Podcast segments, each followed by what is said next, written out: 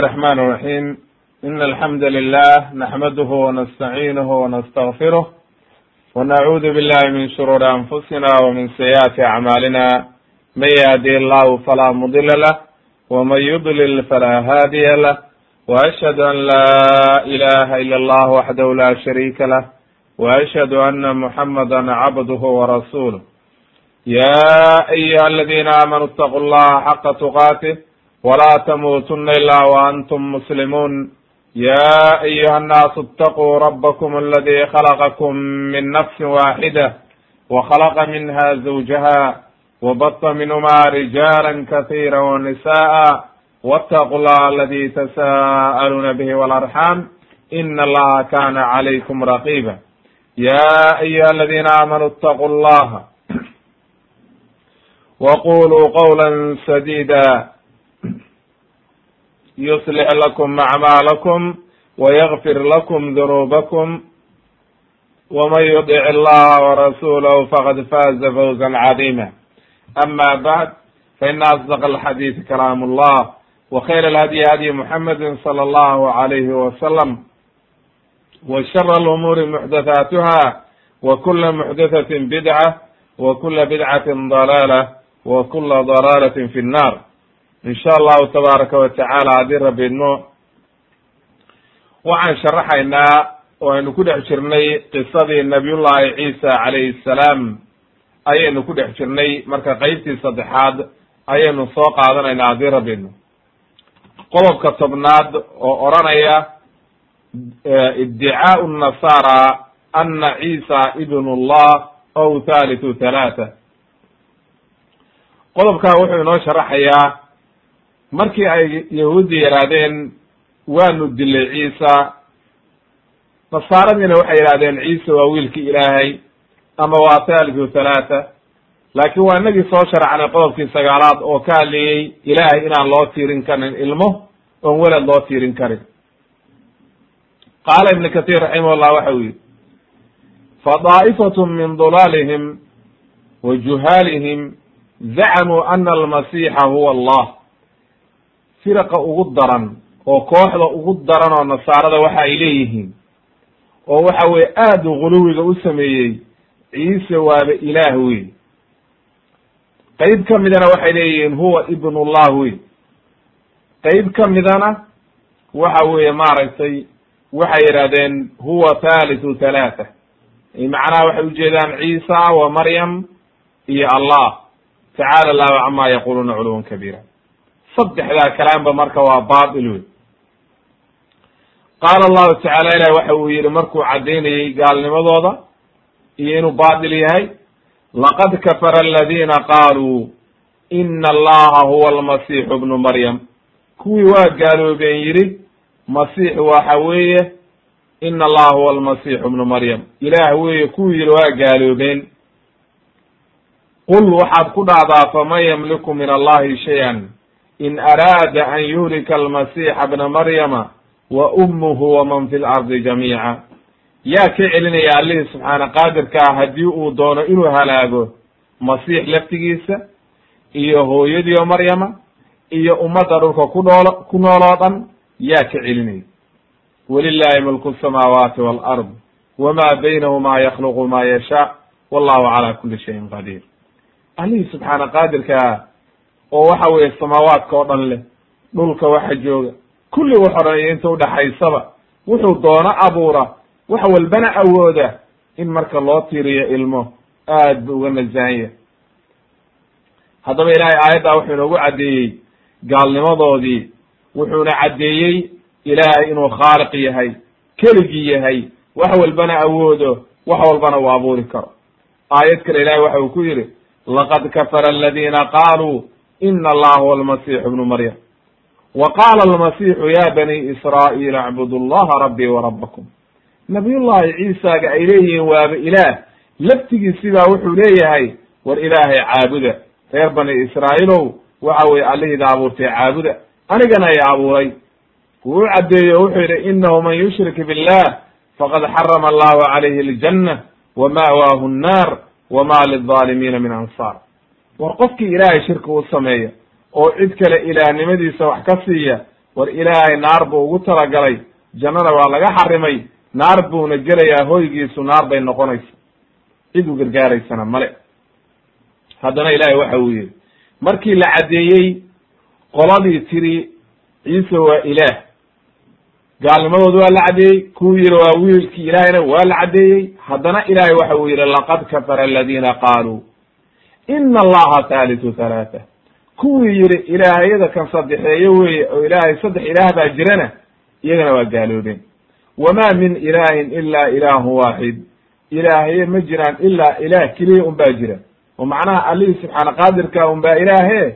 Waxaan kaloo dhan waxba maa waa loo goodiye o waxaa la wain lam yantahuu cama yaquluuna layamasana aladiina kafaruu minhum cadaabun alim haddaynan ka joogsan ba la yidhi cadaab adag baa taaban doona. Kabacdina toobadii baa loogu yeeray afalaa yatuubuuna ila allah wayastakfiruuna wallahu gafuru raxiim war miyaynan ilaahay u toobad keenaynin oo dembi dhaaf weydiisanaynin oo xumaanta aynan ka joogsanaynin markaasa haddana ilahay waxa uu caddeeyey ciise waxa uu yahay malmasiixu bnu maryam ilaa rasuulun qad khalat ciise maryamkaan aad leedihiin waa ilaah masiixu maryam ibnu maryam oo macnaha nabiy llahi ciisa aad ilaah ku sheegaysaan wax kala ma aha le ilaa rasuul wey. Rasushii hore oo ka horreysay isaga ayuun buu la mid yahay. Oo nabiyullahi ciisa iyo nabi nabiyullahi muusa iyo nabiyullahi ibrahim iyo nebiyadii ka horreeyay aynu soo marnay oo dhan ayuu la mid yahay. Wa ummuhu hooyadiina sidiiqatun waxa weeye waa mid run sheegta oo wax walba rumaysay oo waxa weeye ilaahay kalaamkiisii rumaysay wey. Kaanaa ya'kulaani dacaam waxay cuni jireen ba layihi cuntada. Macnaha halkaa waxaa lagu radiyayaa see hadduu ilaah yahay oo waxa weye ilaahay waxa weeye inuu gaajoodo iyo inuu cunto u baado iyo inuu waxa weeye dhibaata ku dhacdo mid walbaa ka deeqtoonya see marka addoonkan gaajoonaya oo naftu ka dhacayso oo waxa weye intuu cunto cunaadhow suuliga gelaya see baad uleedihiin waa ilaah. Undur kayfa nubayinu lahum alaayaat uma ndur anaa yufakuun bu yihi ilaahay eeg baa lay bal saanu aayadaha uga cadaynayna haddana markaa ay waxa weeye ku sii dhacayaan been abuurasho iyo dhibaato. Qaala ibnu katir raxima llah waxa uu yihi xakama tacaala ilaahay waxa uu xukumay bikufrihim sharcan wa qadran. Ay macnaha diintiina inay ku gaaloobeen. Ilahayna waa u qadaray inay gaaloobaan oo waxa weye dadkaa gaalnimaa lagu xukumay. Fa akbara ana hada sadara minhum waxa uu arrintaasi ay ku hadleen oo yidhaahdeen ilaah weeye ciisa kabacdi markii nebigoodii u caddeeyey inuunan inuu yahay addoon ilaahay. Ee uusan ahayn waxa weeye wax kale. Ee addoon ilaahay uu yahay oo ciisa bnu maryam uu yahay. Waqad bayana lahum anahu cabdun marbubun makhluuq. Wuxuu u caddeeyey inuu yahay addoon ilaahay abuurtay oo aan waxba ahayn oo waxa weye aan ilaah ahayn oo wax kala ahayn dadkana waxba dheerayn ilaa inuu rasuul yahay mooye.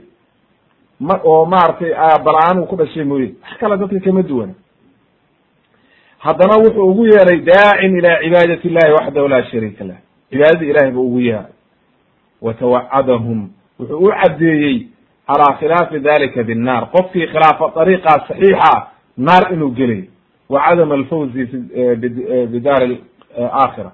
Inuuna jannada indha saaraynin oo liibaanaynin oo khizi iyo dhibaato uu leeyahay adduunka aakhirana waxa weye dhibaato ku dhacayso. Oo wuxuu yihi inahu man yushrik billah faqad xarama allahu calayhi aljanna wa ma'waahu nnaar wama lidaalimiina min ansaar. Haddaba intaasoo dhan marka markay caddaatay in la yidhaahdo marka ay yidhahdaan waxa weeye ina allaha thalithu thalaatha waa kalaan baatila wey wuxuu leeyahy marka ibnu jariir iyo keyrkiiba ibnu kathir waxay leeyihiin waxay ka wadaan ina allaha thalithu thalaatha qowlkoodii ay oranayeen waxa weeye allah iyo waxa weeye oo aabiya iyo ciise oo wiilkiya iyo waxa weeye kelimadii oo waxa weye min alabi ila alibni macnaha kelimadii ilahay xaggi ka timid ayaa wiilki adu kalaan baatila oo waxa weeye aad iyo aad u cajiiba ayay ku hadleen. Firaq daalla weye marka oo waxa weye iyagii oo qaybo u kala qayb qaybsamaya oo waxa weye qaar waxaa la ohan jiray almalikiya qaarna waxaa la ohan jiray alyacqubiya qaar waxaa la ohan jiray annastaw annastawriya iyagoo dhan kulligood haddana waxay aaminsanaayeen kalaamkaa baatilka oo kala duduwan ama wiil ku sheega oo wiilka ilaahay ku sheega ama ilaah ku sheega kulli waa batil weeye kanaan baatilo wey leanna ilaahay baa le wamaa min ilahin ila ilaahun waaxid ilaah ma jiro ilaa allihii subxaana qaadirkaa mooye. ay macnaha ilaah xaq lagu caabudo ma jiro ilaa allihii subxaana qaadirkaa mooye oo laa nadiira lahu walaa shabiiha wax u dhigma male oo wax waxa weeye u eg male oo wax u dhigma ma jiraan. Waxa weye marka qofkii arrintaa la yimaadana wuxuu ku dhacayaa kufrinimo. Uma bacda dalika waxa weye ibn kathir wuxuu yihi qowluhu tacaala wain lam yantahu cama yaquluun waa goodi wey waa waxaa loo yaboohay inay naar gelayaan oo dhibaato taabanayso. Haddayna arrintaa ka joogsan adduun iyo aakhiraba in dhibaato ku dhacayso. Haddana kabacdi ilahay toobadiibu u furay. Oo waxa weye dembi kastoo ay la yimaadeen ilahay waa kafuur raxiim mar walba toobadiibu u furaya afalaa yatuubuuna ila allah wayastakfiruuna wax toobad keena oo ilaahay ka baqa oo waxaad ku jirtaan ka baxa wey uma bayana xaala almasiix wa um ummihi hooyadii iyo iyo nabiyullahi ciisa ayuu caddeeyey oo wuxuu yihi waa addoon cabdun rasuulun wa ummuhu sidiiqa wax kale oo ay dadka dheer yihiin ma jirto isagoo rasuul ilaahay bu ahaa addoon ilaahay buu ahaa. Hooyadiina waxay sadiiqa mid rumaysay waxa weye ma ahayn sida ay yidhaahdeen yahuuddu waxay naag xun oo waxa weeye faajirada. Ma ahayn ee waxay gabar sidiiqada oo farjigeeda ilaalisay oo aan weligeed xumaan ku dhicin allihii subxaana qaadirkaana uu doortay ayay ahayd. Way. Mana ahayn nebiyad sida dadka qaar yidhaahdeen ee waxay ahayd sidiiqa ayay ahayd. Waxaana u daliila inay labadooduba ay bilow-aani ahaayeen kana yaakulaani acaam leannahu waman kana bi hadihi sifa waxa weeye sifada noocaasa qofkii laga helo oo cunto u baahan oo gaajoonaya ilaah ma noqon karo allihii subxaana qaadirkaa hani wey waatuu markaa wa qaala tacaala waid qaala allahu ya ciisa bna maryam aakhire markii la yimaado oo waxa weeye kulli nasaaradii iyo kuwii lahaa waa ilaah iyo kulli ay yimaadaan ayaa ilaahay nabiyullahi ciisa la hadli doonaa fii suurati maa-ida akhirkeeda ilaahay ku caddeeyey. Ilahay baa wuxuu odhan doonaa ya ciisa ciisow ya ciisa bna maryam a anta qulta linnaasi itakhiduuni wa umiya ilaahayni min duuni illah ma adaa ku yidhi dadka aniga iyo hooyaday ilaahya naga dhigta ilaah ka sokeeya? Qaala subxaanaka ma yakunu lii an aqula ma laysa lii bixaqin. In kuntu qultuhu faqad calimta. Aniga arrintaa ima aboona bu yidhi inaan ku hadlo. Mana oran kara bu yidhi.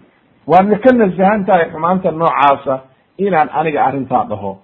Xaqna uma lihi haddaan se arrintaa iri anigu ilaahayo waad ogtahay. Faqad calimta waad og tahay taclamu ma fi nafsi walaa aclamu ma fi nafsik. Aniga waxa nafteyda ku jira waad og tahay waxaan ku hadlay waad og tahay kulli wixii o dhan waad og tahay laakiin aniga waxba ma ogi. Miskiin addoonana waxaan ogaana ma jirto waxa naftaada ku jira ma ogi. Markaasuu kabacdi caddeeye wuxuu yidhi innaka anta callaamu lguyub cilmi geybka o dhanna adaa ma qultu lahum marka wuxuu caddeeyey haddana inaana ku oran kuma oran buu yihi ilaa ma amartani waxaad i amartay mooye bi. Muxuu ahaa wixii lagu amray ciisa?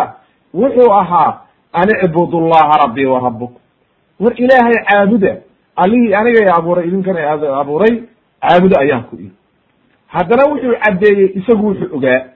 Wuxuu yidhi wa kuntu shahiidan calayhim. Anigu intaan la joogay baan markhaanti ka ahaa oo ku markhaanti kacayay maa dumtu fiihi intaan la joogay falama tawafaytanii markaad i oofsatay kunta anta araqiiba calayhim wa anta calaa kuli shayin shahiid markaad i oofsatay oo aan dhintayna adiga ayaa ka warqabay adiga ayaa ilaalinayay adaa og waxay sameeyeen aniga waxba kama og kabacdina wuxuu caddeeyey inuuna isagu arrinta shaqo ku lahayn oo wuxuu yidhi in tucadibhum haddaad cadaabaysid ood cadaabtid fa inahum cibaaduka addoommadaadii wey wa in takfir lahum haddaad u dembi dhaaftidna fa inaka anta alcaziizu alxakiim haddaad u dembi dhaaftidna min wax walba awoodaad tahay caziiz oo sharaf leh xakiima oo wax walba marka aniga shaqo kumeli wey arrintaas cadaabtoodana shaqo kumeli dembi dhaafkooda shaqo kumeli ma hanta aniga waxba gacanta kumaayo halkaa marka waxaa qowlkoodii ahaa ay aaminsan yihiin qofku markuu dhinto ciisa gacanta qabanayo oo jannada gelinaya inayna waxba ka jirin ayaad halkaa ka ogaanaysaa oo qowlkaasi uu baatil yahay. Qaala ibnu kahiir raximah llah waxa uu yihi yukbiru tacaala anahu yas'alu ciisa.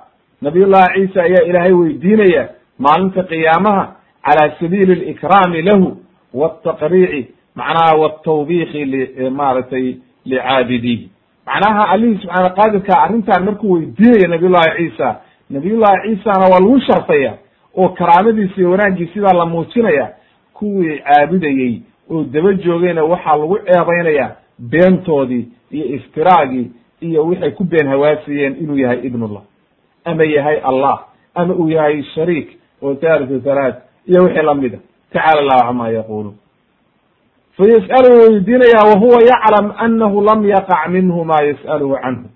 Wuxuu weydiinayaa ilaahay isagoo og inuuna nabiyullahi ciisa arrintan samayn leanna inagaaba maanta og nabiyullahi ciisa inuuna dhihin waayo waxaynu ku aragnaa kitaabki ilaahay inuu nabiyullahi ciisa una dhihin. Waxa weye arrintaa marka ilaahay maxaad moodaa? Ilahay waa og yahay laakin iyagaa xujada lagu oogaya iyagu sooma eran ciisa ilaaha hortooda isagoo taagan oo waxa weye ay maqlayaan ayaa la leeyahay haddaba haye. Hadal ciisow ma adaa yiri dadkan waxa weye ilaah dhigta.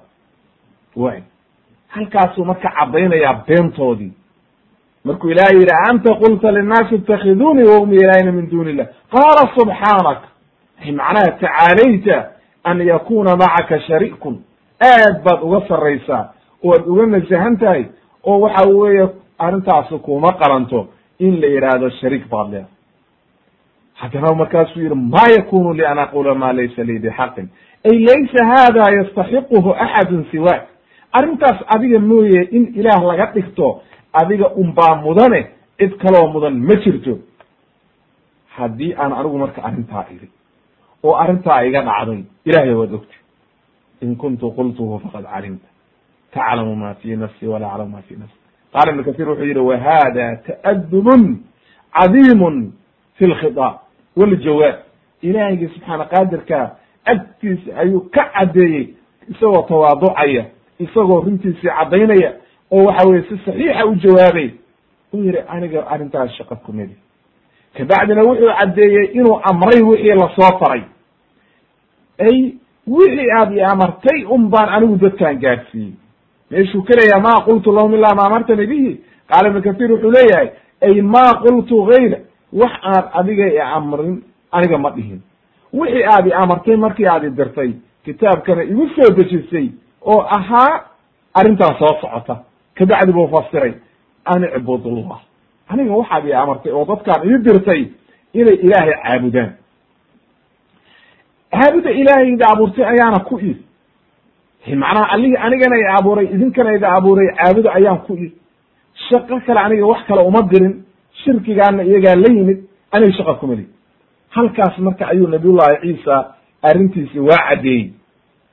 Markaasuu haddana naftiisii caddeeye wuxuu yihi anigu allihii subxaana qaadirka u caddeeye wuxuu yihi anigu waxaan ka markhaanti kacaya intii aan la joogay wixii aan amray iyo wixii ay sameeyeen un baan garanaya laakiin markaad i oofsatay oo waxa weeye adduunkiiba layga soo kaxeeyey aniga wax alla waxay sameeyeen war hayo shaqana kumeli haddaba xaggee ilaah ka yahay marka addoommadu waxay samaynayaan aduuna war uhayn war uma hayo mana oga kabacdi markaasuu caddeeyey inuuna waxa weye anigu taa isagu shaqo kulahayn kabacdina runtii bacdee wuxuu yihi haddaad cadaabtidna hadda waa iyagaa kasbaday hiyasta wahum yastaxiquuna dalika haddayba ilaah kale caabudayeen oo ilaah kala sameeyeen hadda way xaq bay uleeyihin in la cadaabo marka haddaad cadaabtidna iyagaa u xaq yeeshay in la cadaabo oo ma aadan dulmiin oo dulmi maaha arrintaa haddaad u dembi dhaaftidna hadda waxa weye waad awooda.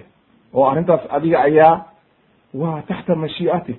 Oo waxa weeye qofkaa doontina waa la cadaabin haddii uu kasbado kaa doontina waa u dembi dhaafin. Bicafwika wa karamika. Marka sidaa daraaddeed anigu arrinta shaqo kuma lihi wey inaka anta alcaziiz alxakiim hay.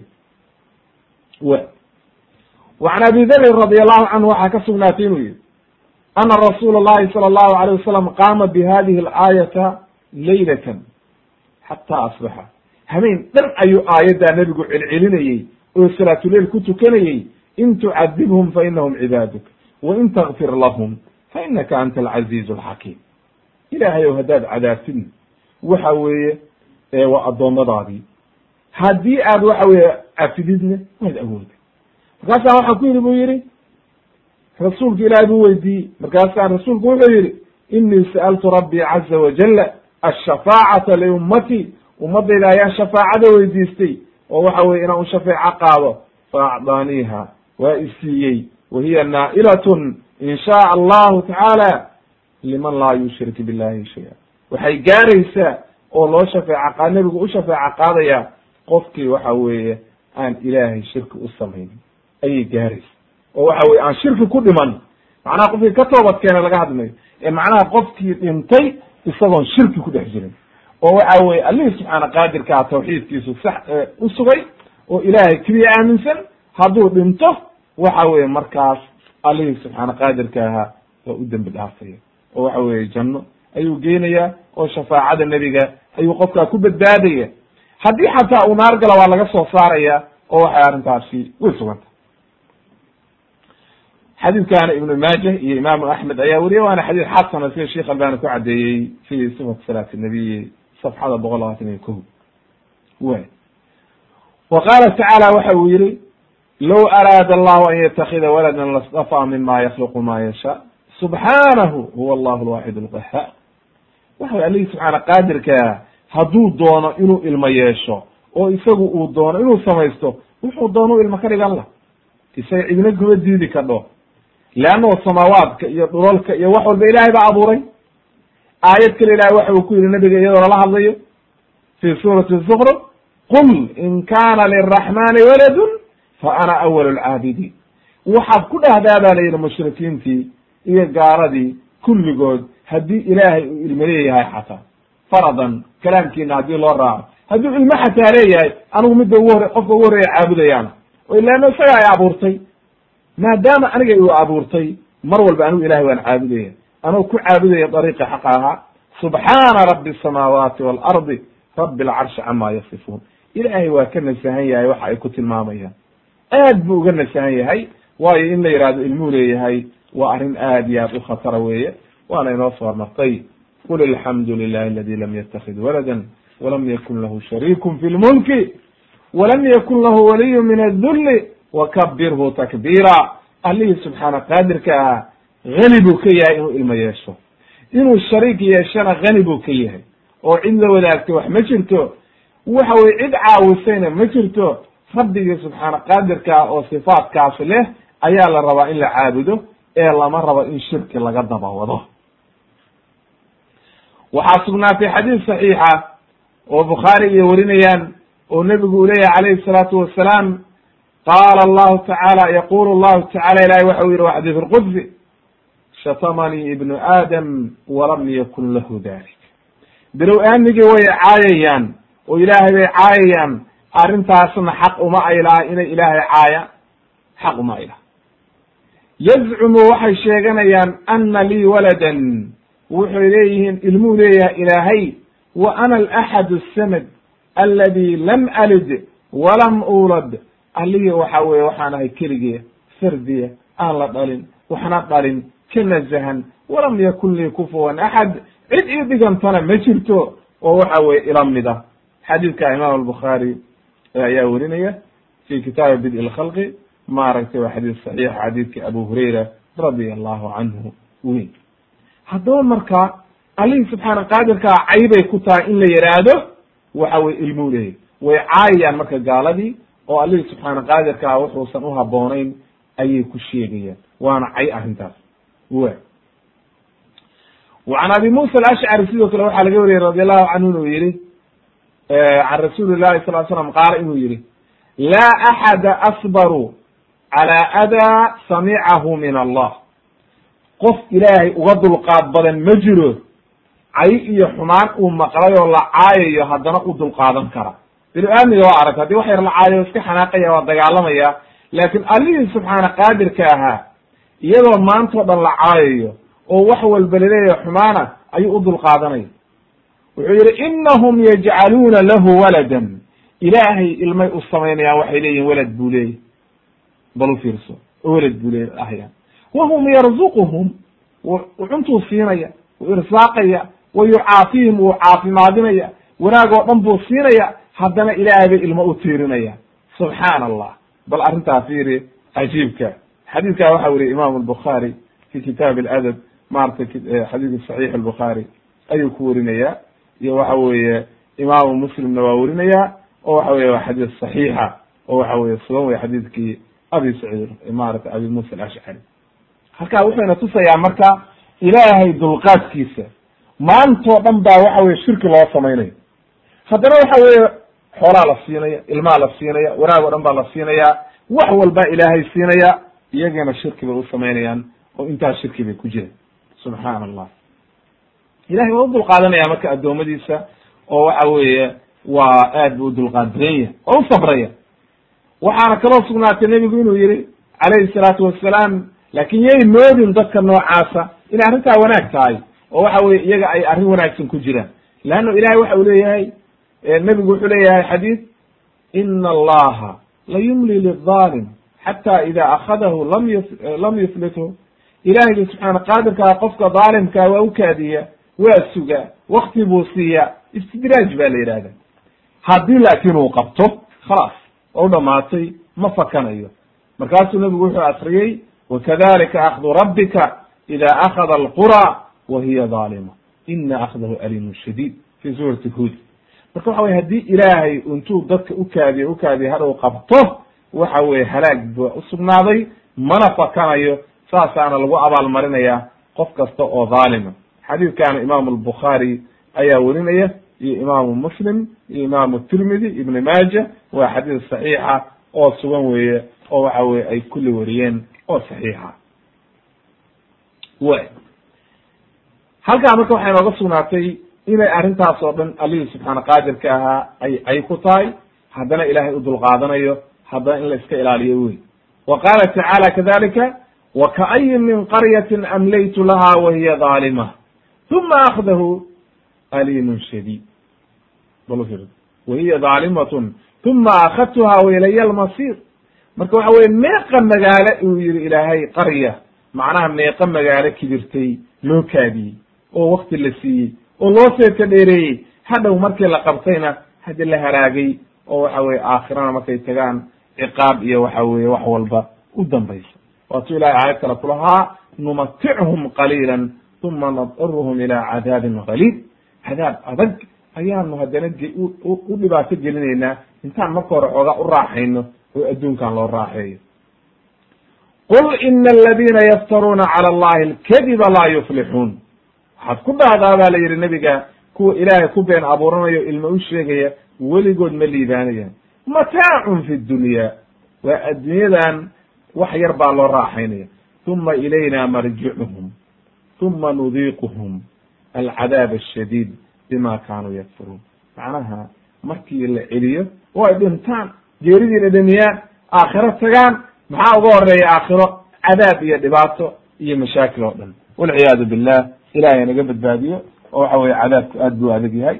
Rabbigii subxaana qaadirkaa hanaga badbaadiyo haddaba qodobkaa waxaa inooga caddaaday inay baatil tahay kalaamka waxa weeye ay wadaan nasaarada iyo waxa weye yahuuddu oo waxa weye ay leeyihiin qaarna leeyihiin ciise u gafeeyaan qaarna ay leeyihiin wiilki ilaahay bu ahaa. Waxaasoo dhan waa baatil. Qowlka muslimiinta oranaya inuu ahaa cabdullahi warasuuluh ayaa saxiix qodobka koob iyo toban wuxuu keenayaa dikru man shay ciisa ciisa bna maryam wa bayaanu bid lwaxyi ilayhi nabiyullahi ciisa marka oo koray oo waxa weye weynaaday oo waxyigii ku bilaabmay oo waxa weye injiil lagu soo dejiyey oo waxa weye markaa noqday waxa weye nebi iyo rasuul ummadda u yeeraya ayaynu halkan ka bilaabayna intaa hore o dhan waxay ahayd macnaha dhalashadiisii iyo waxa weye maaragtay xaaladiisii hore hooyadii laga soo sheekeynayey. Hadda ayay marka waxyigii iyo hawshiisii iyo nebinimadii la diray hadday bilaabanaysaa marka qaala ibnu kathir raximahullah waxa uu yihi waxay noo soo hormartay macnaha nabiyullahi ciisa calayhi salaam inuu ku dhashay bayt lmaqdis laakiin dadka qaar baa khaldamo waxay yihahdeen wuxuu ku dhashay maaragtay masar laakiin waa khalad. Wa ana maryama saafarat. Macnaha maryama ayaa markii hore markay dhashay oo muddo uu joogay ayay maaragtay u safreen ba la yidhi xagga iyada iyo ninkii la odhan jiray yusuf ibnu yacquub annajaar ayaa waxay aadeen ba la yidhi masar u ambabaxay markuu kunay noqday. Kabacdi markaa ayay goortii dambe markuu weynaaday ayuu de dib ugu soo noqday dhulkan. Wuxuu yihi qaala maxamed ibn isxaaq isxaaq ibn bishir waxa uu yihi iyo muqatil yani daxaak can ibn cabas kaga warinayo wa kana ciisa yaraa alcajaa'ib waxyaala cajaa'iba ayuu arki jiray markii uu yaraa. Ilhaaman min allah. Ilahay baa ku ilhaamiyey fafashaa fiihi macnaha arrintiisii fafashaa dalika fi lyahuud markii uu roonaado dhalinyaro noqday ayaa arrintii marka markii la ogaaday macnaha isagoo yarba waxyaala cajiiba in lagu arkay ayaa yahuudii warkii gaaray. Fahamat bihi banu israa'iil. Alla yidhi aan kan intuu yaryahay dilna bay dheheen oo ka gaarsiino ile nebiyada dili jireen oo caadadooda ahayd nebi kasta inay yidhahdaan waa dilaynaa oo isku dayaan xataa nebi maxamed say isugu dayeen inay dilaan marka dhaqan bay uleeyihiin inay nebi walba dilaan oo waxa weye nebiyada aad baa loogu imtixaamay nimankaas. Way fakhaafat umuhu hooyadiisaa u cabsatay. Fa awxa allahu ilaa ummihi. Ilaahay baa wuxuu u waxyooday inay la aado ilaa ardi masr. Masr orod la tag oo halkaa ku hay. Wadalika qawluhu tacaala buu yihi wajacalna bna maryama wa ummuhu aayah aayad iyo calaamad mucjisa ayaanu dadka uga dhignay maryamo iyo wiilkeediiba macnaha ciisa bna maryam iyo hooyadiisba wa aaweynaahumaa ilaa rabwatin dati qaraarin wa maciin. Waxa aanu dejinay oo waxa weye aanu hoy uga dhignay macnaha dee wa aaweynaahumaa macnaha waxa ilaahay uu dejiyey dati qaraarin wa maciin. Marka halkaa culamadu waa isku waa isku khilaafeen sida ibnu kathir uu leeyahay? Maxaa laga wadaa? Halkan data rabwatin maxaa laga wadaa? Bihadi rabwa wuxuu yihi alrabwa macnaheedu waxa weeye sifatun. Waa sifo waa tilmaan. Wa hiya anaha rabwatun wاrabwatu huwa almakanu lmurtafic rabwa waxaa la yidhahdaa dhulka kor ukaa ukacsan min alardi aladi aclaahu mustawin yuqaru calayhi macnaha dhul kor u kacsan oo haddana kor ka siman. Matalan buur dheer oo korka ka siman oo la degi karo oo waxa weye meel aad iyo aad u qiimo badan oo waxa weye ayaa la yidhahdaa rabwada. Oo murtafic oo ballaaran ayaa la yidhahdaa. Haddana markaa ila biyaa iyo meel raaxa oo adugu dhul raaxa weye ba la yidhahdaa dhata rabwatin. Faqiila waxa la yidhi almuraadu ba la yidhi almakan aladi waladat fihi lmasix waxa weye waa meesha ay ku dhashay. Qaarna waxay waa baytulmaqdis ba yidhahan nakhlatu baytulmaqdis weye ba layihi qaarna waxay yidhahan maya. Maahe waxay yidhahan macnaha qolada hore waxay yidhahan waa baytulmaqdis o waa meeshii aynu ku soo marnay fanaadaha min taxtiha anlaa taxzani qad jacala rabuka taxtaki sariya ay biyihii iyo waxa weye meeshii wanaagsanayd oo halkaa ku raaxaysanaysay halkaa ayaa laga wadaa ayay yidhaahdeen. Oo waxa weye culamada qaar baa halkaasaa ku fasiray way.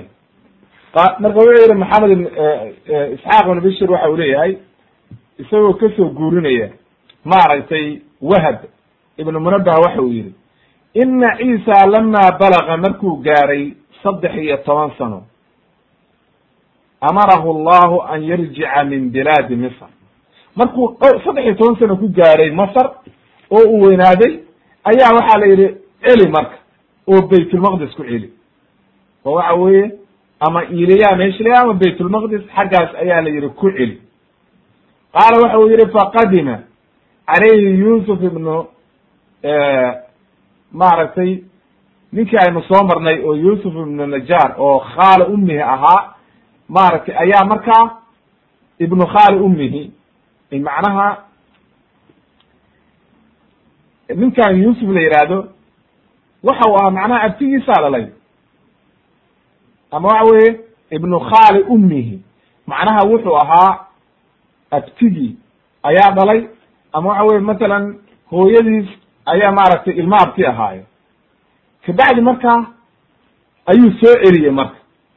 Dameer buu ku soo qaaday buu yihi waa taariikh kolay laakin wax daliila looma hayo. Calaa kulli xaal isagoo dhowr iyo toban jir uu masar ka soo noqday ayay leeyihiin. Saas soo guurinaya ibn kathir raximahullah. Kabacdi markuu yimid iliya waa dhulkaas baytulmaqdis iyo elka markuu yimid. Ayaa waxa weeye injiil lagu soo dejiyey. Wa callamahu tawraat. Tawraatna ilaahay baa baray. Markaasuu mucjisooyinkiina la siiyey ixyaa lmowta iyo inuu waxa weye dadka xanuunsan daweeye iyo waxyaale cilmi geyba inuu ka sheekeeyo waxyaalihii ay guryahooda ku qarsadeen iyo waxay cuni doonaan iyo waxaasoo dhan buu u sheegay oo waxa weye markaas uu noqday nin lala yaabay dadkii o dhan baa ogaaday arrintii baa marka aad iyo aad marka waxay ufaaftay cajaa'ibkiisii ayaa yahuudii iyo meel walba gaaray marka. Marka halkaas ayay arrintiisi ka bilaabatay marka halkaa qowlkaasi wuxuu keenayaa isagoo dhowr iyo toban jira marka in lagu soo dejiyey waxa weye injiil oo waxa weye ilaahay uu nebi ka dhigay oo waxa weye markaa kabacdi la siiyey kutubtii kitaabkii lagu soo dejiyey. Marka qodobkaas wuxuu inoo khulaasaynaya waxay leeyihiin culamadu isagoo yar bay hooyadii la tubto xaggaa iyo masar la aaday oo kala fakatay yahuudi inay dilaan. Leannahu masar waxaa deganaa nimankii qibdiga ah oo faraaciintii ayaa deganaayo reer bani israa'iil ma degenayn xaggaasay marka ula carabdhay ba la yihi si aynan u dilin inta uu yar yahay. Kabacdi markaa markuu roonaaday oo dhowr iyo toban jir noqday ayaa dib loo soo celiyey oo masar dib loogu so waxa loogu soo celiyey dib maaragtay dhulkan baytulmaqdis ay leeyihiin qodobka labiyi toban wuxuu keenayaa bayaanu nuzuul alkutub alarbaca wa mawaaqiitiha injiil goormaa la soo dejiyey. Waxaynu soo marnay hadda ka hor. Xadiidkii waxa weeye aynu soo caddayno qisatu aadam iyo qisatu nabiyullahi maya qisatu ibrahim iyo qisatu muusa ba inagu soo maray. Waxa uu yihi unzilat itawraatu calaa muusa fi sitti layaalin maykani xadiid maayo waa atar. Waxaa laga warinayaa maaragtay ninka la yaraha mucaawiyata ibn salix ayaa waxa u leeyahay waxa lagu soo dejiyey tawraad calaa muusa. Markii ay tagtay dhowr hameen sita layaal lix hameen markay ka tagtay ramadaan. Xadiidna waa sheegay taas waa sax ayaa lagu soo dejiyey. Zabuurna nabiyullahi daawud waxaa lagu soo dejiyey labiyo tobankii qaarna waxay leyihin sideed iyo tobankii riwaayadda xadiidku waxay leedahay ma sideed iyo toban. Way. Wadalika buu yihi bacda atawraat biarbacmiatin sana. Wa tnatayn wa thamaaniina sana. Afar boqol iyo iyo siddeetan iyo laba sana udhexaysay buu yihi zabuur oo daawud lagu soo dejiyey iyo tawraat ayuu leeyihi injiilna waxaa lagu soo dejiyey ciisa sideed iyo tobankii ramadaan. Bacda zabuur bialfi caamin wa khamsiina caaman. Macnaha kun iyo konton sana udhexaysay buu yihi nabiyullahi daawud oo zabuur lagu soo dejiyey iyo nabiyullahi ciisa injiil lagu soo dejiyey. Qur'aankana nebi maxamed waxaa lagu soo dejiyey afar iyo labaatankii bisha ramadaan ayaa lagu soo dejiyey. Way qaala ibn kathir raximah llah waxa uu yihi tafsiirka shahru ramadaan aladi unzila fihi alqur'aan ayaa axaadiidtaas ku soo aroortay oo aanu ku soo caddaynay. Wayna jirtaa oo waxa weeye injiil iyo tawraad iyo kulli in xilliyadooda la soo dejiyay axaadiis baa sugtay. Hadda ka hor baana xadiidkaa ka soo hadalnay oo waa arrin sugan wey oo waxa weye in nabiyullahi ciisa lagu soo dejiyey injiil waa sugan tahay. Ramadaanna la soo dejiyey waa xadiidkii aynu qisatu ibrahim iyo qisatu muusa labadaba ku soo marnay oo sugan wey way waxay leeyihiin marka culummadu waxaa lagu soo dejiyey injiil sida uu leeyahay ibnu jariir fi taariikhihi isaga oo jira maaragtay ibnu thalaathiina sana soddon jir isagoo ah. Haddana saddex sane buu la joogay oo waxa weye uu dadkii diinta ugu yeerayey kabacdina markay damceen in la dilo isagoo soddon iyo saddex sano jira ayaa ilaahay kor u qaaday oo waxa weye la kor yeeray marka inuu soddon iyo saddex sano lagu kor yeeray way sugan tahay oo waxa weeye sida inoo imaan doonta axaadiis iyo aathaarba ayaa caddaynaya. Laakiin in la soo lagu soo dejiyey injiil isagoo soddon jirta bay culamada qaar leeyihiin qaarna waxay leeyihiin isagoo yaroo dhowriyo toban jira lagu soo dejiyey walcilmu cinda allah ilah baa garanaya. Qodobka saddex toban waxaan ku soo qaadaynaa dikru jumlati min akhbaari ciisa calayhi salaam wa mucjizaatihi. Nabiyullahi ciisa akhbaartiisii iyo waxyaalihii mucjisada ahaa oo uu lahaa bal baynu halkaan qeyb ka taabanayna. Allihii subxaana qaadirka ahaa ilaahay wuxuu ku ayiday nabiyullahi ciisa. Ilahay horta wuxuu ka nabadgeliyey ninka la yihahdo ibliis ilahay baa ka nabadgeliyey faqaala tacala ilahi waxa uu yihi ya ciisa bna maryam ya ciisa bna maryam adkur nicmatii calayka wa calaa waalidatika id ayadtuka biruuxi lqudus ay macnaha markii aan kugu adkeeyey arrintaada jibriil oo wax walba uu kaa ilaalinayey oo waxa weeye uu kula jiray. Tukalimu nnaasa fi lmahdi wa kahla. Waa mucjisooyinkii la siiyey isagoo yar inuu dadka la hadlay isagoo weynna oo kahuulada waa markuu weynaado garmadoobaa yahay inuu dadka diinta ugu yeeray. Hay.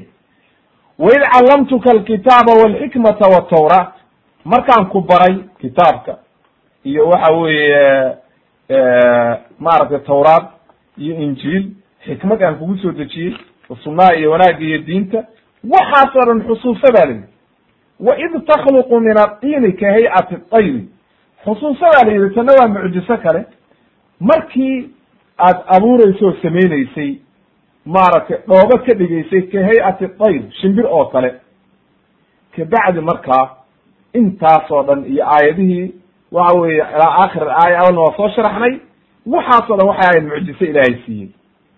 Waxa uu yihi kacab ibn axbaar waxaa laga werinaya can wahab ibn munabbihin iyo ibn cabaas iyo maaragtay sulayman salman alfarisi iyo waxay yidhahdeen lama bacata ciisa bna maryam lama bucita ciisa bna maryam wa ja'ahum bilbayinaat jacala almunaafiquuna walkaafiruuna min bani israa'iil yacjabuna minhu yucajabuna minhu macnaha waxay la yaabeen arrinta uu ku hadlayo iyo waxa uu keensaday istizaa bay ka bixi waayeen iyo inay ku qosqoslaan oo ku dheeldheelaan ayay ka bixi waayeen way way u yimaadaan ba markaasu wuxuu yidhahdaa nin maxaan xala cunay? Ii sheeg waxaan xala cunay.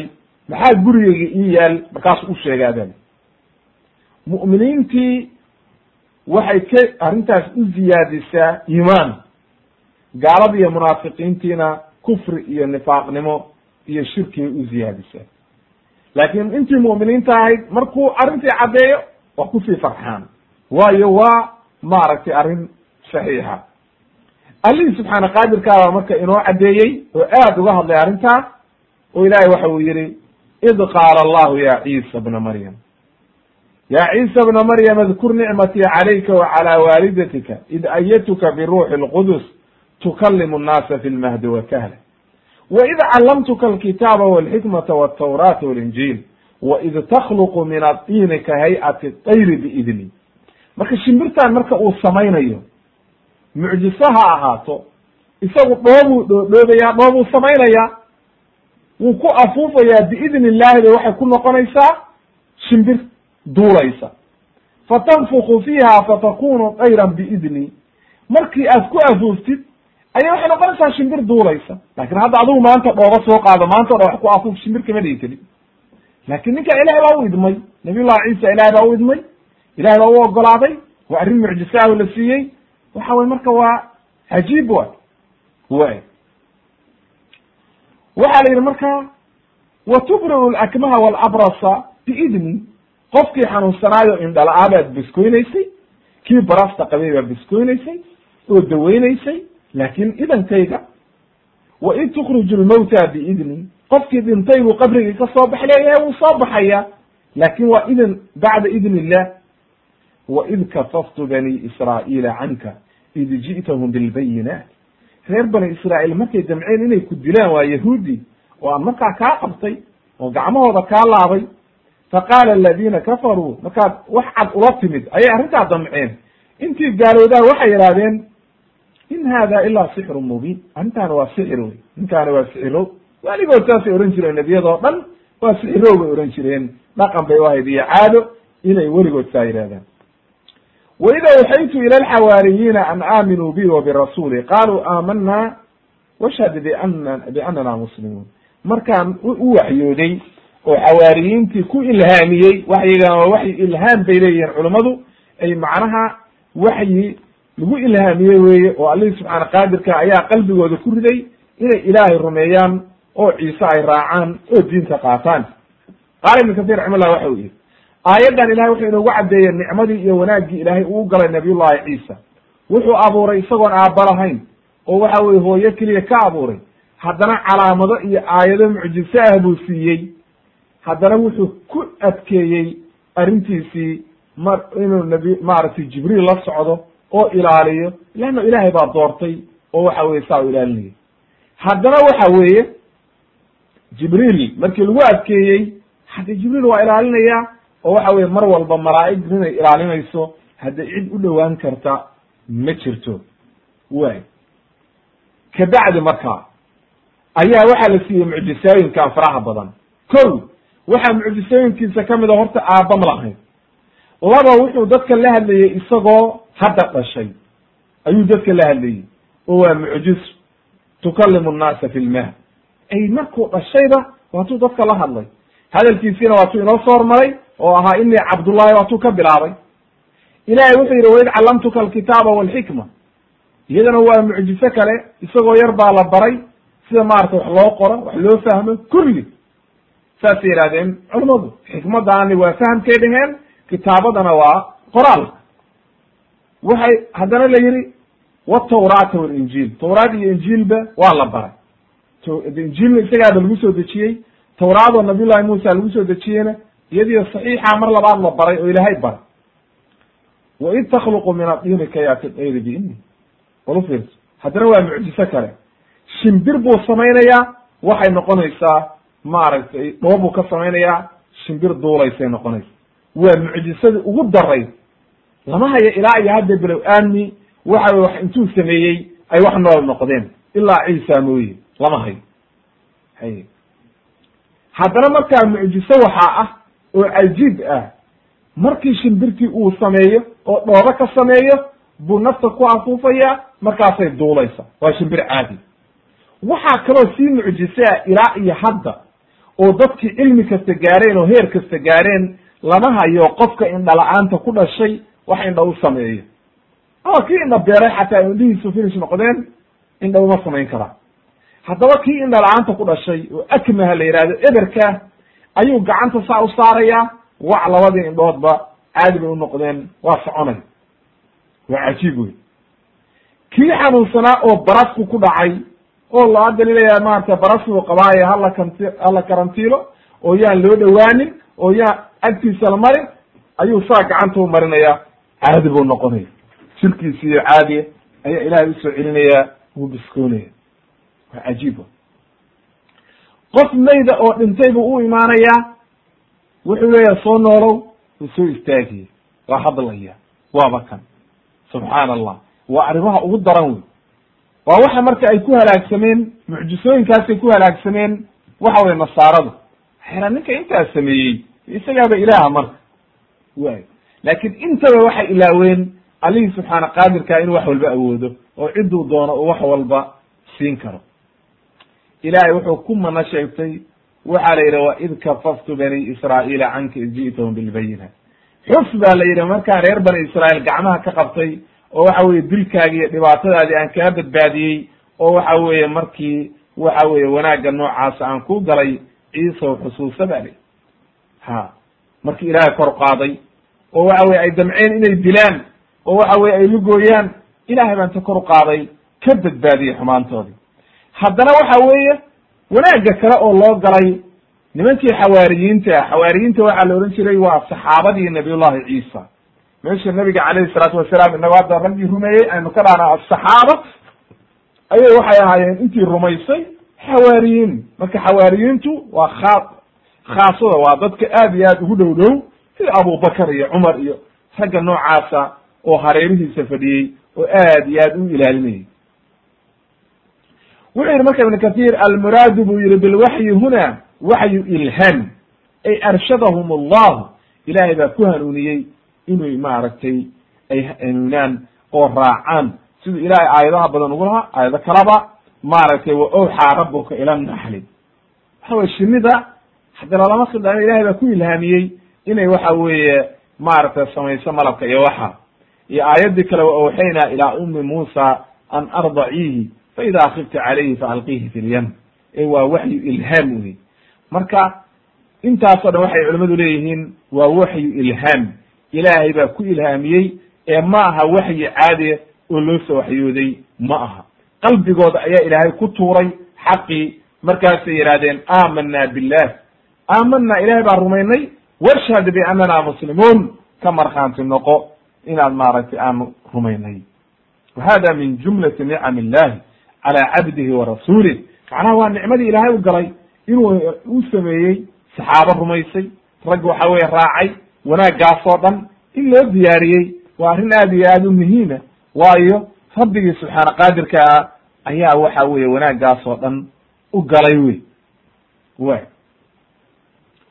waa tuu marka nebigana loogu galad sheeganayey oo ilaahay lahaa huwa aladi ayadaka binasrihi wa bilmu'miniin waallafa bayna quluubihim low anfaqta ma fi lardi jamiica ma allafta bayna quluubihim walakina allaha allafa baynahum inahu casiizun xakiim fi suurati anfal allihii subxaana qaadirkaa qalbiga qofka markuu inta soo dumo ku jeclaysiinayo wa awooda leannu nebigu wuxuu yihi ina alquluuba bayna isbicayni min asaabici araxman yuqalibuhaa kayfa yasha suu doono u rogrogaa qofkuu doono waa kuu soo jeedinaya wanaag buu qalbigiisa gelinaya kuu doonana waa kaa jeedinay waxa weye allihii subxaana qaadirka ayaa arrintaa awooda.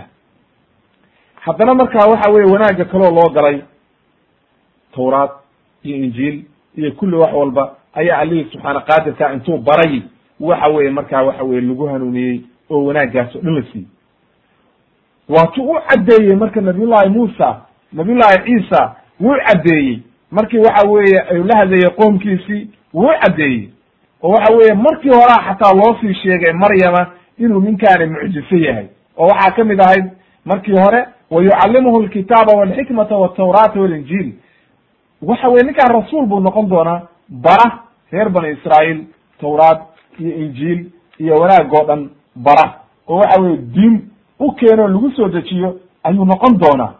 wa rasuula ila bani israa'iil annii qad ji'tukum biaayati min rabbikum aayadii dheera qisooyinkooda oo dhan marka halkaasuu u caddeeyey nabiyullahi ciisa calayhi salaam.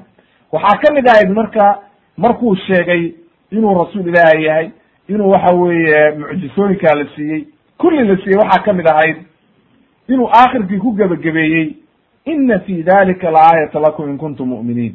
Arrintaasi waa aayad cad haddii aa wax rumaynaysa ilahay marka wuxuu yidhi wamusadiqan lima bayna yadaya min atawraati macnaha waxaan rumaynayaa buu yidhi ciisa waxyaalihii iga soo horreeyey tawraat ayaan rumaynaya wala uxila lakum bacda aladi xurima calaykum.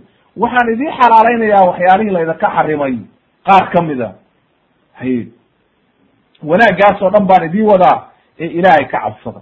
Oo waxa weeye qaata oo waxa weeye diintan waji'tukum biaayati min rabbikum fattaqu llaha wa atiicuun. Waxaan idinla imid aayad cad oo ilaahay xaggi ka timid ee qaata ina allaha wa rabbi. Wuu caddeeyey wuxuu yidhi macnaha aayado cadcad ayaan idinla imid oo ilaahay xaggi ka yimid. Haddana markaasu u sheegay wuxuu yidhi ina allaha. Wuxuu ku gebagabeeyey wuxuu yidhi ina allaha rabbii wa rabbukum. Facbuduuhu hada siraatu mustaqiim. Macnaha allihii subxaana qaadirka ahaa rabbigeyga iyo rabbigiinuba waa allah ilaahay caabuda marka oo waxa weye jidkaa toosan oo mustaqiimkaa ku toosnaada. Ilahay waxau yidhi falama axasa ciisa minhum alkufra. Markuu dareemay marka inay gaaloobeen oo waxa weye ay gaalnimo u bateen oo reer bani israa'iil ay ku gaaloobeen nabiyullahi ciisa ayuu waxa uu yidhi qaala man ansaarii ila allah. Yaa ii gargaaraya oo waxa weeye jidka xaqaa igu gargaaraya oo ii maaragtay ii hilinaya ayuu la hadlay qaala alxawaariyuuna naxnu ansaar allah xawaariyiintii baa hadlay waxay idhi annagaa kuu gargaarayno diyaara oo waxa weye jidka ilaahay u taagan aamanaa billahi washhad biannana mus bianna muslimuun ka markhaanti noqo baa layihi inaanu hogaansanay oo muslimiin nahay annagaana kuu hiilinayna o kuu gargaarayn rabbanaa aamanaa bima anzalta watabacna arasuula faktubna maca ashaahidiin haddana markaas ayaa allihii subxaana qaadirka ay baryeen oo yidhahdeen xawaariyiintii intii islaamtay waxay yidhahdeen annagu ilaahay baan rumaynay rasuulkaagiina waa rumaynay waana raacnay.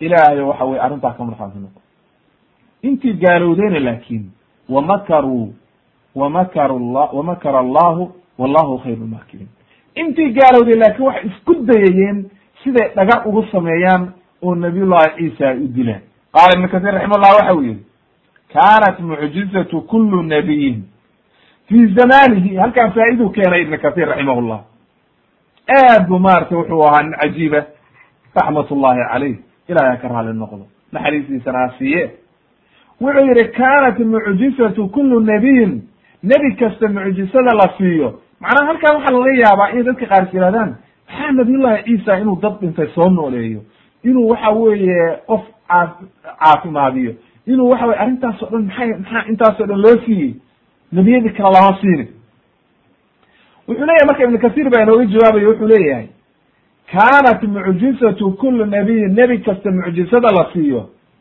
Waxay ahayd maaragtay fi zamanihi min bima yunaasibu ahla dalika zaman. Xilligaa dadka joogay wixii ku habboon oo waxa weeye aynan la imaan karin oo aynan samayn karin oo ay la ogyahay inay caajis ka noqonayaan baa nebiga la siin jiray. Mathalan bal u fiirso tusaalaha.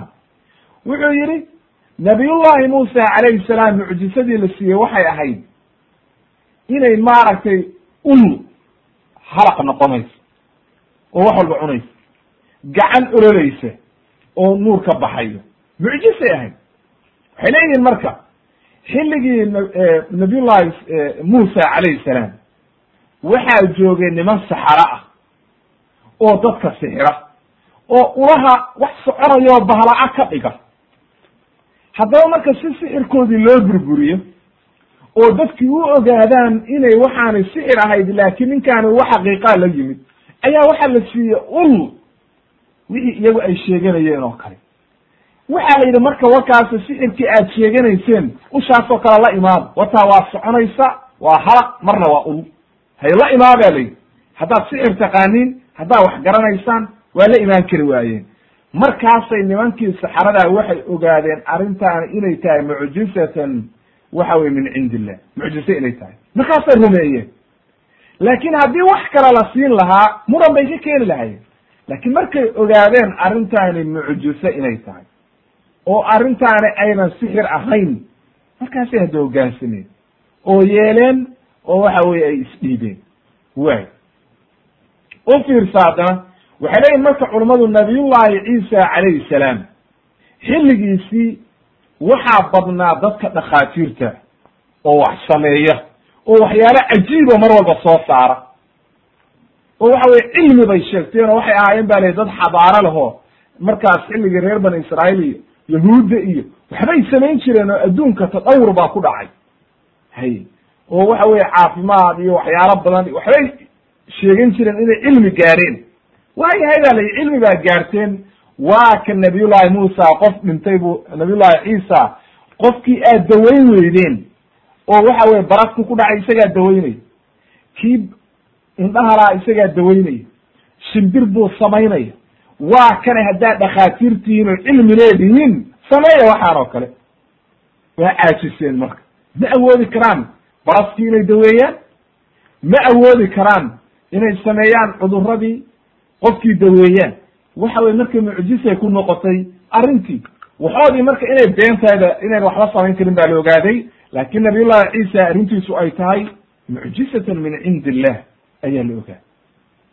Sidoo kale xilligii nebi maxamed calayhi salaatu wasalaam markii laga soo dhex saaray quraysh qurayshtu waxay ahaayeen niman fusaxo ah oo ahlu kalaam ah balaago ah aad iyo aad gabayada iyo shicir waxa weye aad ugu dheereeya oo waxa weye lagu ku caanbaxay bay ahaayeen balaaga macnaha niman aad ugu cod kara oo hadalkooda sameeya. Kabacdi markii ay noocaa ahayd laakin cilmi kale ma ay lahayn. Sixir ma aqoon cilmi kale ma aqoono maadiya laakin keliya waxay ahaayeen inay maaragtay gabaygaas gabaygaasay ku fahmi jireen waayahay waxaa la siiyey marka mucjisa qur'aanki. Oo waxa weeye ay kalaamkoodiiya oo luuqadoodiiya oo waxa weeye kii ay ku wada hadlayeena oo xuruuftii iyagu ay kalaamkoodu ka koobnaa ka kooban. Oo waxa weeye alif laga bilaabo ilaahiya waa xuruuftii ku wada hadlayeen. La imaadaa la yihi qur'aankan oo kale marka haddaad fusaxa tihiin oo gabay taqaaniin oo kalaamaa taqaaniin la imaada qur'aankan oo kale. Haddii kale isdhiiba oo ilaahay xaggiisa u hogaansama ninkaani waa nebi marka faa'iidadaasaa ku jirta bay dheheen wuxuu leya ibnu kathiir marka faa'iidadaasaa ku jirta in nebi walba la siiyo mucjisooyin gaar ah. Waxaana la eegayaa oo ilaahayga eegaya subxaana qaadirka xilligaa dadka jooga bal waxa ay ugu sarreeya oo ay deliishanayaan oo ay sheeganayaan si dadkoodan cilmiga sheeganaya loo cajisgeliyo oo wixi ay ula imaan waayaan marka ay isdhiibaan hadda nabiyullahi muusa markii ay saxaradii hoggaansameen dadkiina waa hoggaansameen marka sidaa daraaddeed ayay ku dhacday marka in arrintaa la sameeyo waatuu ilaahay lahaa la imaada qur'aankan oo kale markii la yidhi laa yaatihi lbabilu min bayni yaday walaa min khalfihi tanzilu min xakimin xamiid qur'aankaasoo waxa weeye aan wax khalada ku jirin oo waxa weye aan dhibaato iyo khalad iyo midna ka hor imaanaynin baatila la waxa weeye ayaa lagu soo dejiyey nebiga calayhi salaatu wasalaam. Markaasaa la yidhi jinni iyo insiga intay isku tagtaan la imaada hal suuradoo kamida lamida suuradda ugu yar xataa. Ama qul walla ama inacdeenaa wax lamida la imaada. Toban aayadood hal aayad ma keeni karaan. Kulligood waa ka caajiseen iskuma aydayin waayo waxay ogaadeen kalaamkii ilahay inuu yahay kalaamkan oo arrintaani ay mucjiso tahay. Bal waxay isku dayeen si kale inay uga hortagaan iyo dagaal iyo dhibaato laakiin iskumay dayen inay kalaamkaasoo kale la yimaadaan. Waay haddana ilaahay uu ka naafiye waxaa la yidhi fain lam tafcaluu walan tafcaluu.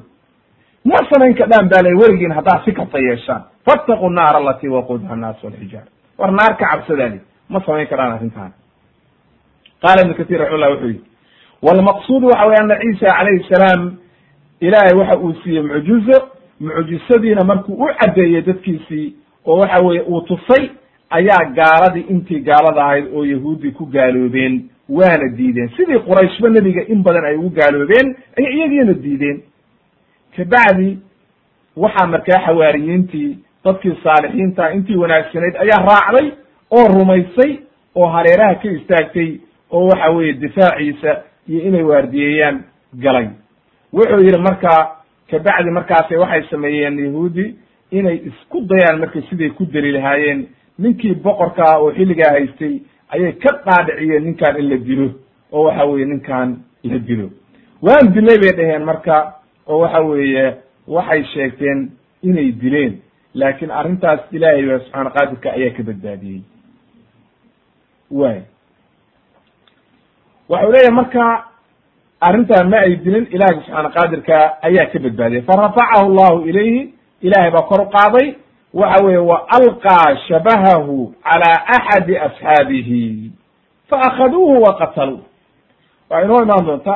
Waxay leeyihiin habka lagu dilay waynu keeni doonaa laakiin ibnu kathir wuxuu leeyahay macnaha dadkii meeshii joogay nin kamida ayaa waxa weeye sifadii iyo tilmaantii nabiyullahi muusa nabiyullahi ciisa sawirkiisii ilaahay u bedelay nabiyullahi ciisana waaba kor yeeray.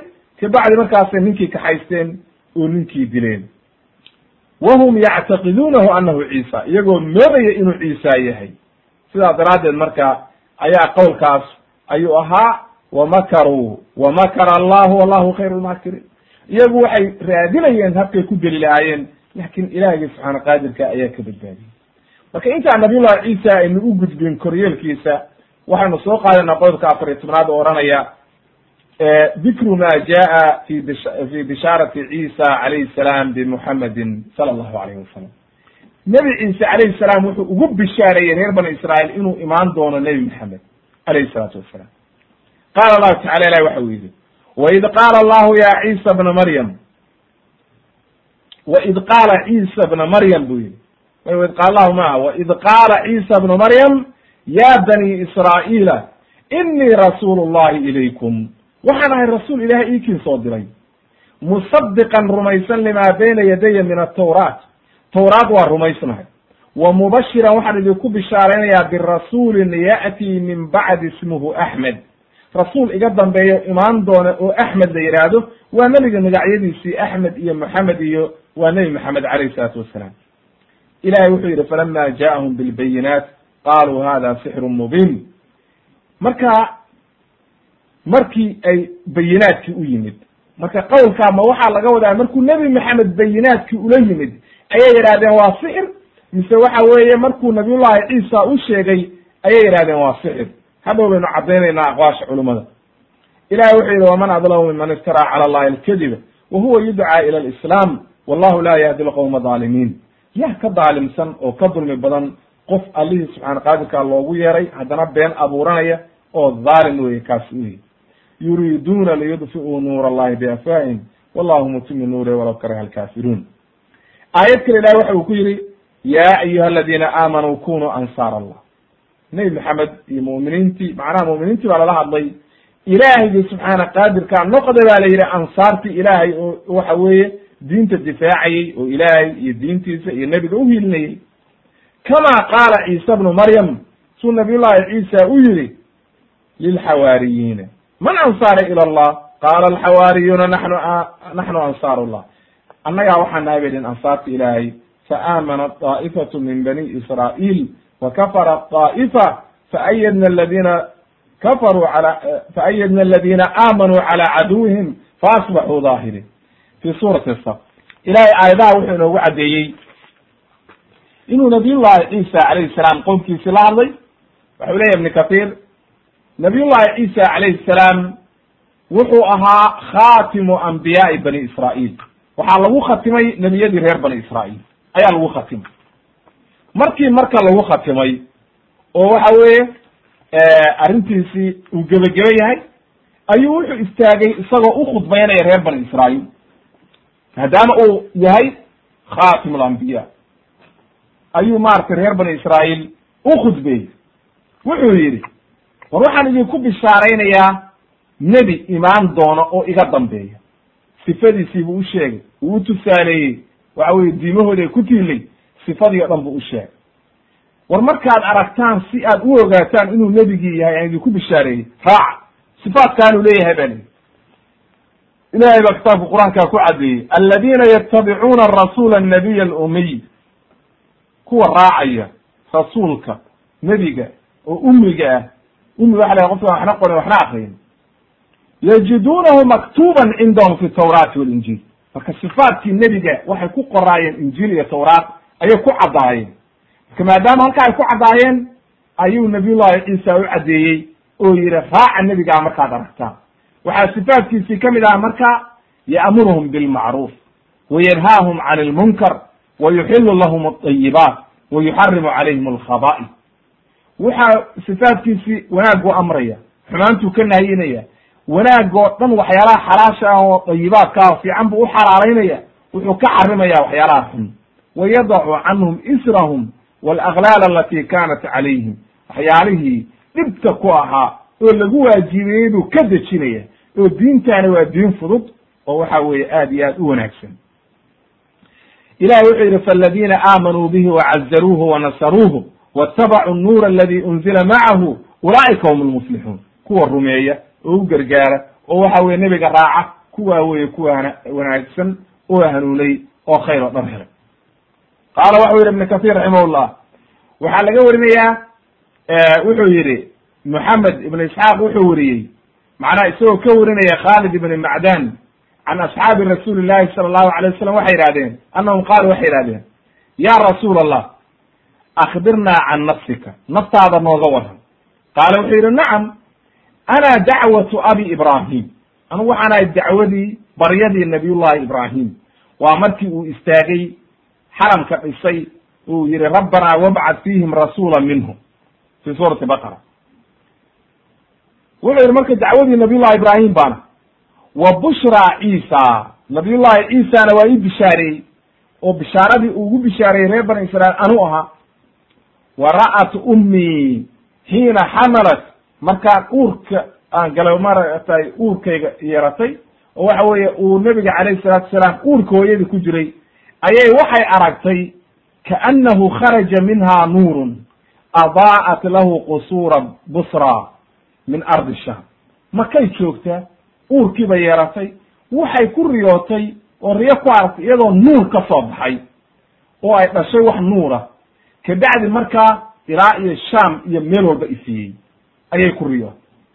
Xadiidkana waa xadiis saxiixa oo isxaaq baa weriyey iyo xaakimna waa weriyey wa qaala saxiixu lisnaad waafaqahu dahabi xaakim wawaafaqahu asheikh alalbani raximah llah waxa una yihi wahuwa kama qaala marka waa xadiis saxiixa fi silsilati axaadiis saxiixa kun iyo shan boqol afartan iyo lix ayuu ku caddeeyey iyo waxa weeye ibn xibaanna waa weriyey iyo waxa weeye saxiixu sira annabawiya sheikh albani safxada maaragtay saddex iyo toban. Waa saxiixu sira waa kitaabuna dhamaystirin oo waxa weeye yar in yar uu ka sameeyey nebigu sheikh alalbani raximahullah uu ka dhintay wey isagoo dhamaystirin siiradii bidaaya wanihaaya ibn kathir isagoo wada ayuu ka dhintay raximahullah way qaala ibn kathir raximahullah waxa uu yihi nabiyullahi ibraahim markuu beyt ka dhisay ayuu ilaahay beryey oo rabbigii subxaana qaadirkaa wuxuu ka beryey rabbanaa wabcad fiihim rasuula minhum. Rasuul ka mida ilah u soo saar. Walama intahat nubuwatu ciisa bani israa'iil ciisa markay ciisa ku dhamaatay ilaa ciisa ayuu istaagay oo waxa weye u khudbeeyey reer bani israa'iil oo u caddeeyey inuu nebi imaan doono. Nebinimadiina reer bani israa'iil ay ka dhamaatay ee nebi uu imaan doono waana moxamed ibni cabdillaahi ibni cabdilmuطalib waxa weeye oo nebiga calayhi salaatu wasalaam. Min sulaalati ismaaciil ibni ibrahim alkhaliil calayhim asalaam qaala allahu tacala ilah waxa uu yihi falama jaahum bilbayinaat. Maxaa laga wadaa aayadda bilbayinaat? Hada sixru mubin wuxuu yihi ibnu kathir waa suurtagal in laga wado ay ilaa ciisa markuu ciisa ula yimid bayinaadkii ayay yidhahdeen saaxir baa tahay waana suurtagal in laga wado ay nebi maxamed markuu ula yimid reer bani israa'iil diintii xaqahayd ay yidhahdeen waa saaxir uma bacda dalika allihii subxaana qaadirka ahaa wuxuu inoo caddeeyey oo inagu booriyey inaynu diinta u gargaarno oo nebiga rumayno oo diintan xaqa aynu raacno. Sidaas aayaddaa dheer ya ayuha aladiina aamanuu kunuu ansaar allah ila aakhir alaaya ayaa ilahay inoogu caddeeyey aayadaha. Waxaa loo baahan marka sidii ansaartu u yihaahdeen nebi ciise markuu ka dalbaday gargaarka iyo inay u gargaaraan in waxa weeye diintan loogu gargaaro oo qof walba ku dadaalo diinta islaamka inuu xun ka qabto. Yani markuu nabiyullahi ciisa ugu yeeray reer bani israa'iil waxay yihahdeen annaga ayaa u gargaarayna waxa weye saxaabadiisii wey waa nimankii xawaariyiinta. Ah saasoo kalea marka la rabaa siday saxaabadiina nebiga ugu gargaareen oo ugu dadaaleen oo ula shaqeeyeen ayaa la rabaa qof walba o islaama meel walba diinta ka soo gaaro inuu wax ka qabto. Ilaahay wuu caddeeyey wuxuu yidhi waxa weye qaarna way rumeeyeen. Oo waxa weeye fa aamanat daa'ifatu min bani israa'iil wa kafarat daa'ifa. Qaarna waa gaaloobeen qaarna waa rumeeyeen. Markay dagaalameenna intii muslimiintaad ayaa guulaysatay oo ilaahay wanaagiisa ku ayiday iyo waxa weye guushii siiyey. Waxa weye ilaa yawma alqiyaamana waad aragteen yahuudda iyo nasaarada nasaarada ayaa wanaagsan oo waxa weeye xoog badan oo waxa weeye si walba nasaarada u wanaagsan. Waayo allihii subxaana qaadirka ayaa waxa weye guushii iyaga siiyey markay qoladii kale yahuuddii ku gaaloobeen oo waxay nabiyullahi ciisa yihahdeen waa dilay allihii subxaana qaadirkaana waxa uu yihi inayna dilin isagoo caddaynaya id qaala allahu ya ciisa ya ciisa inii mutawafika waraaficuka ilaya wmuطahiruka min aladina kafaruu wajaacilu ladina itabacuuka fawqa aladina kafaruu ila ywmi alqiyama haddaba marka ilaa iyo qiyaama saaca yahuud iyo nasaara waxaa awood badnaanaya oo waxa weye haysanaya oo waxa weye mar walba ka fiican nimanka la yidhaha nasaarada ilahaygi subxaana qaadirkaaba u ballan qaaday inuu yihi wajaacilu ladina itabacuuka kuwii ku raacay oo waxa weye adiga dariiqaaga raacay ayaanu ilaa iyo qiyaama saaca ka saraynaya oo waxa weye kuwii gaaloobay laakin de waa intii raacday nabiy llahi muusa xaq ku raacday. Laakin kuwii aan xaq ku raacin hadda markaa waxa weeye baatil bay ku wada socdaan. Wuxuu yihi fakulu man kana ilayhi aqrab. Ibnu kathir wuxuu yihi mar walba intii u dhow nabiyullaahi ciisa diintiisii ayaa kuwa kale ka wanaagsan bu yidhi. Oo waxa weye sidaa daraaddeed marka dadkii muslimiinta ahaa markay nabiyullaahi ciisa u dhowaadeen diintiisii oo nabiyullahi ciisa ay u dhow yihiin iyaga ayaa markaa u dhow ama waxa weeye wixii kale waxay ku jiraan markaa khasaara waayo nebi maxamed calayhi salaatu wassalaam iyo intii rumaysay ayaa ciise iyo dariiqiisii iyo waxa weeye nebiyadii oo dhan dariiqoodii haya. Waxa weeye ilaahiygi subxaana qaadirkaa naga mid dhigo hana nagu sugo. Haddaba qodobkaa waxaa inooga caddaaday nabiyullaahi ciisa inuu bishaareeyey oo nebi maxamed ugu bishaareeyey inuu imaan doono reer bani israa'iil ugu bishaareeyey oo waxa weye arrintaasi waa arrin sugan wey qodobka shan iyo toban waxaan ku keenaynaa. Dikru khabar ilmaa'ida xeeradii reer bani israa'iil ay dalbadeen oo nabiyullahi ciisa lagu soo dejiyey ayaynu halkan ku keenayna qaala allahu tacala ilah waxa u yihi id qaala alxawaariyuuna ya ciisa bna maryam hal yastadiicu rabuka an yunazila calayna maa'idata min asama qaala ataqu llah in kuntum mu'miniin nimankii xawaariyiinta oo mu'miniinta ahaa ayaa nabiyullahi ciisa waxay ka dalbanayaan in xeere loo soo dejiyo oo waxay yidhahdeen ilaah ma awoodaa inuu xeere noo soo dejiyo oo waxa weye aanu aragno ilaahay ka baqa bu yidhi waa maxay waxaad ilahay weydiinaysaa qaaluu waxay yidhahdeen nuriidu an naakula minha waxaan rabnaa cududaar bay la yimaadeen inaanu cuntadaa cunno ilaahay samada ka soo dejiyey. Wa tadma'ina quluubuna qalbigayguna ku dego. Wa naclama an qad sadaqtanaa wa nakuna calayha min ashaahidiin aan arrintaa rumayno oo waxa weyaan ogaano inaan run sheeg tahay oo aan ka markhaanti noqono mucjisana ay noo noqoto. Qaala ciisa bnu maryam nabiyullahi ciisa baa hadlay allahuma rabbana anzil calayna maa'idata min asama markay u cududaarteen bu cududaarkii ka aqbal markay diideen o yidhaha ilaa wa ilaa waa rabnaa. Ayuu ilaahay baryey marka. Ilaahu noo soo deji buu yidhi maa'idatan ay xeero min asama oo cunto macnaha xeero cunta ka buuxiyo samada nooga soo deji. Takunu lana noo noqota ciidan liawalina wa aakhirina. Macnaha ciid noo noqota. Maalin ciida. Oo waxa weye aanu ciid ka dhigano ilaa iyo waxa weye kuwayga hore iyo kuwayga dambaba. Wa aayatan minka iyo mucjisana ah warzuqnaa wa anta khayru raasiqiin ilaahu nagu irsaaq adaa waxa weye ugu khayr badan kuwa wax risaaqo wax bixiye. Qaala allahu inii munaziluha calaykum. Ilahay waa ajiibay. Waan idinku soo dejinayaa laakin bishardi faman yakfur bacdu minkum fa inii ucadibhu cadaaban laa ucadibhu axada min alcaalamiin. Qofkii ku gaalooba oo reer bani israa'iil ka mid a waxaan cadaabayaa cadaab adag oo aan dadka kale la cadaabin qaala ibnu kahiir raximahullah waxa uu yihi allihii meeshaan waxay ku sheegeen buu yihi nimanka mufasiriinta aathaar badan. Sida cabdullahi ibnu cabaas iyo laga wariyey salman alfarisi camaar ibni yaasir iyo gayruhum min asalaf waxay yidhahdeen ana ciisa calayhi salaam amara alxawaariyiina bisiyaami halaathiina yowman soddon beri sooma buu yidhi oo soom baa la amray. Markay dhammaystireen oo soddonkii beri soomeen ayay waxay yidhahdeen muusow ciisow waxaan rabnaa ilaahay inuu soo dejiyo samada nooga soo dejiyo xeero aanu ku ciidno oo maanta ciidda noo noqota waxa weye arrin maaragtay aanu ku khatimno soonkayagii oo aanu cunto ka cunno oo waxay arrintaasaan kaa rabna qalbigayguna ku dego oo aanu noqono idminaanu lqalbi soomkayagiina aanu ku khatimno. Fawacadahum ciisa wuu waaniye wuxuu arrintaa iska daayey war ilaahay ka cabsada. War ma wanaagsan arrintaasi ana xujeedu ku noqonaysa xaqeedana kama bixi kartaan. Maya bay yidhahdeen waa ka baxaynaayo ilahay noo weydiiy ilaahay buu weydiiyey. Waxay yidhahdeen nabiyullahi ciisa waa istaagay. Ilaahay buu sala wuu tukaday intuu isdahiray ilaahay buu beryey samadii ka soo degtay xeeradii. Waatan buu yidhi ibna kahiir raximahullah xeeradii waa soo degtay.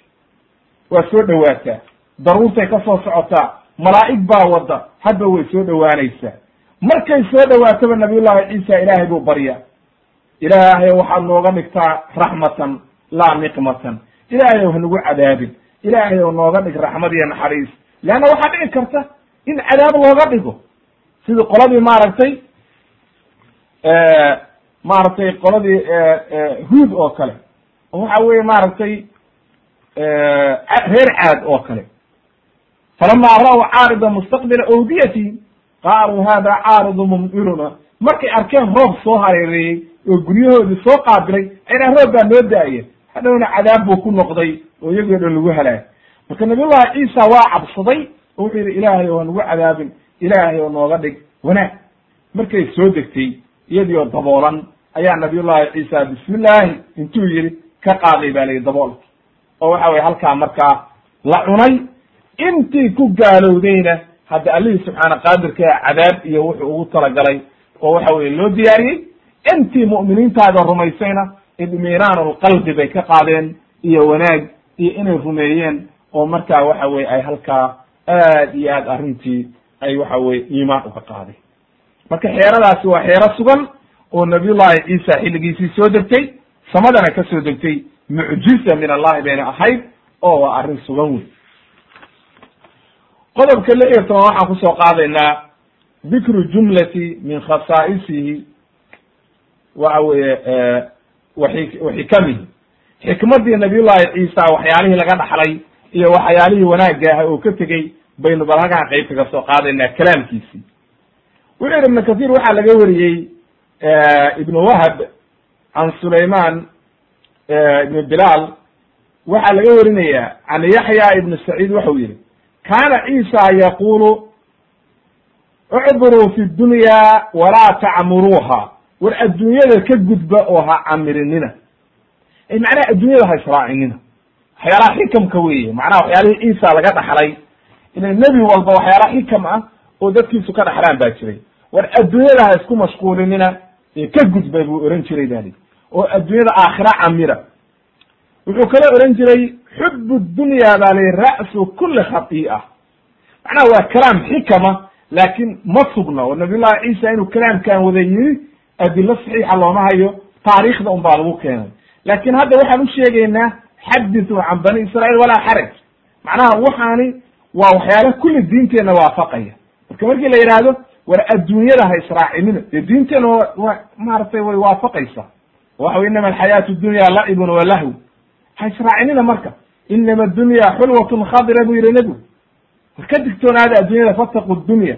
Marka aahaartan oo dhan waxay waafaqayaan diinteena we wuxuu leeya marka adduunyadu qofkii muuminkaa dhib bay gelinaysaa dembi iyo dhibaato o dhan bay qalbigiisa ku abuuraysaa hadduu shahwaadka adduunyada raaco. Waxaa kaloo ka mid ah xikamkiisi inuu yihi ya bna aadam addaciif ittaqi llaha xaytama kunta bilow aamigaagan daciifka meel alla meesha aad joogto ilahay ka cabso.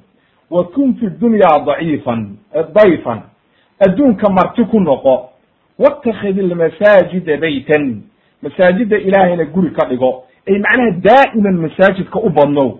Oo waxa weeye cibaadada iyo waxa wanaagga iyo salaada masaajidka yaan lagaa waayo waayo wacallim caynaka albukaa ishaadana oohinta bar oo waxa weye cabsida ilaahay la o la oy oo waxa weeye wajasadaka asabra wa qalbaka atafakur qalbigaa jasadkaaga waxaad bartaa inuu sabro oo gaajada iyo dhibaatada u sabro.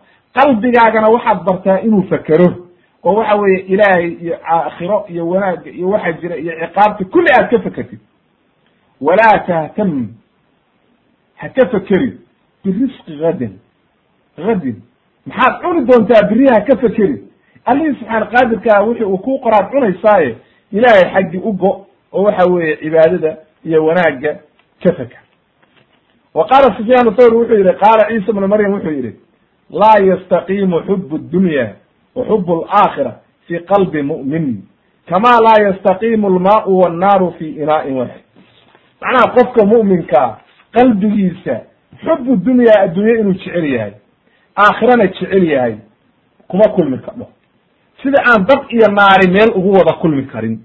Dab iyo naar meel kuma wada kulmi karaan haddaba marka qofka mu'minkaana saas oo kale qalbigiisu ama adduunyaad jeclaan oo adduunyaad ugoyn ama aakhiraad jeclaan oo aakhiraad ushaqaysan wey. Wa qaala alacmash wuxuu yihi qaalat imra'atun liciisa qof dumaraa nabiyullahi ciisa waxay ku tiri tuuba lixijrin xamarak walisadiyin arbacak waxaa liibaanay caloosha lagugu qaaday. Maryamay ka wada hooyada baa liibaantay iyo naaskii aada nuugtay ee naaskii hooyada. Markaasuu wuxuu yihi nabiy llahi ciisa isagoo tawaaducaya duuba liman qara'a kitaab allah watabica qofkii kitaabka ilaahay akriyey oo raacay ayaa liibaanay oo wanaag oo dhan usugnaatay iyo janno iyo wanaag marka duuba waxaa la yidhahdaa liibaantana waa la yidhahdaa shajarun fi ljannana waa lagu magacaabay oo waa sifa fi ljanna ayaa laga wadaa ay macnaha janna waxay usugnaatay wuxuu yihi duuba liman bakaa qofkii ooyey oo ku ooyey maaragtay dikri khadi'atihi dembigiisi intuu xusuustay iyo khaladkuu galay ooyey markaa.